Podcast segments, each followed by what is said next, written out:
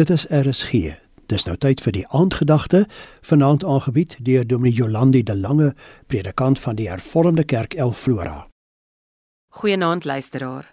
In 1953 het Samuel Beckett die Nobelprys vir sy aangrypende drama Waiting for Godot ontvang. In hierdie verhaal wag daar twee mense, Estrago en Waldemie, op Godot se koms, maar hy daag nooit op nie. Aanvanklik het hulle geduldig gewag. Later het hulle soos tipies mens moeg geword en soms het hulle getwyfel en sommer ook gedreig om weg te loop. Maar wag, het hulle bly wag. Beckett kry dit reg om die konsep van te vergeef se hoop te verwoord. Nou hierdie Franse drama is vroeg in die 20ste eeu geskryf en mense het vreeslik aanklank gevind daarbey want sommige van julle sal weet dat die 20ste eeu met soveel optimisme begin het. Maar die Eerste Wêreldoorlog het daardie optimisme sommer gou-gou vernietig. In Godot word die wag 'n bitter ding. Aangesien die mense met alle krag en vreeslik baie entoesiasme wag, net om teleurgestel te word deur Godot wat nooit kom nie. In die Ou Testament kry ons ook iets hiervan want die mense leef in so 'n tussenstadium. Daardie ruimte tussen God se belofte en dan die vervulling daarvan.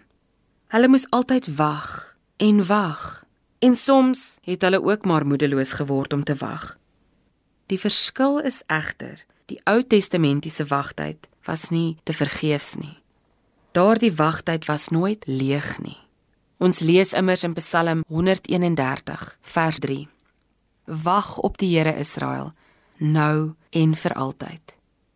Want om op die Here te wag kan sinvol wees. Elke dag se wag het God sy volk ryker en voller mense gemaak. Elke ongeduldige oomblik was 'n nuwe moontlikheid vir hulle om God beter te leer ken. Elke angstige oomblik word 'n nuwe geleentheid om God se liefde te kan ervaar. Ons sal almal saamstem, dit is nie lekker om te wag nie. Kyk maar na die ongeduld op mense se gesigte indien hulle by 'n rooi verkeerslig moet wag, of die frustrasie wanneer ons in 'n ry moet staan en wag. Maar daarom skryf Dawid juis hierdie Psalm.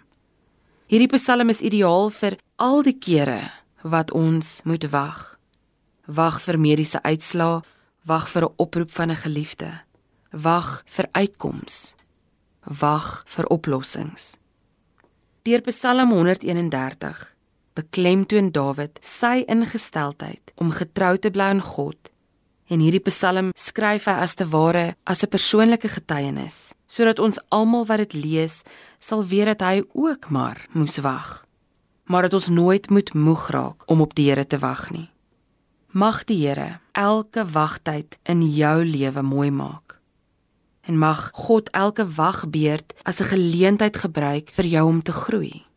Mag jy dan opnuut besef dat ons moet bly wag op die Here vir nou en altyd. Amen. Die aandgedagte is aangebied deur Dominee Jolandi de Lange, predikant van die Hervormde Kerk El Flora.